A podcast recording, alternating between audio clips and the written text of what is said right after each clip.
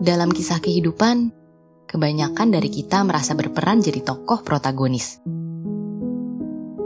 Si aku yang paling menderita, si aku yang paling penting jalan hidupnya di dalam cerita. Tetapi kita lupa, jika dalam cerita, pemeran protagonis juga punya celah. Sang penulis bisa jadi membuat pemeran protagonis berbalik menjadi antagonis sang penjahat dalam cerita hidup orang lain.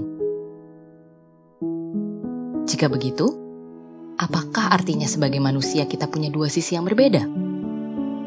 Baik dan jahat. Menurutku, setiap kita terlahir sebagai orang baik. Lalu, kesialan yang kita alami dan perlakuan orang baik lain yang tidak sengaja melukai membuat kita menjadi orang yang berbeda. Yang secara sadar ataupun tidak menyakiti sesama. Ketika menjadi orang baik, kita berperan sebagai pembawa berita gembira yang berusaha menyenangkan hati semua orang. Manusia lugu yang selalu memandang optimis semua hal.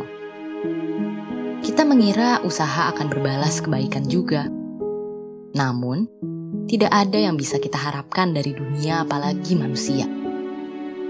Selama hidup di sini, kita akan terus terluka Keluguan berakhir menimbulkan luka di hati kita sendiri, juga orang lain.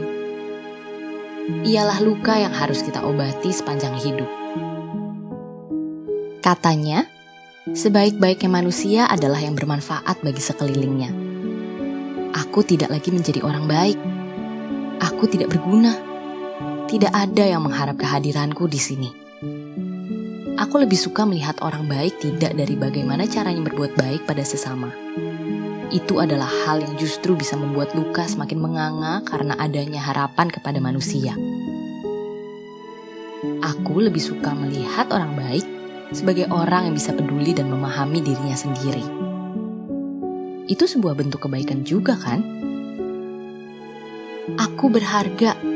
Aku masih pantas berada di dunia Aku harus berbuat baik pada diriku sendiri agar tidak lagi ada luka-luka trauma yang harus aku rawat seumur hidup.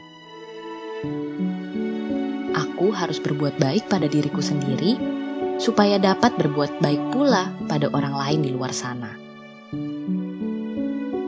Sekarang giliranmu. Sudahkah kamu menjadi orang baik?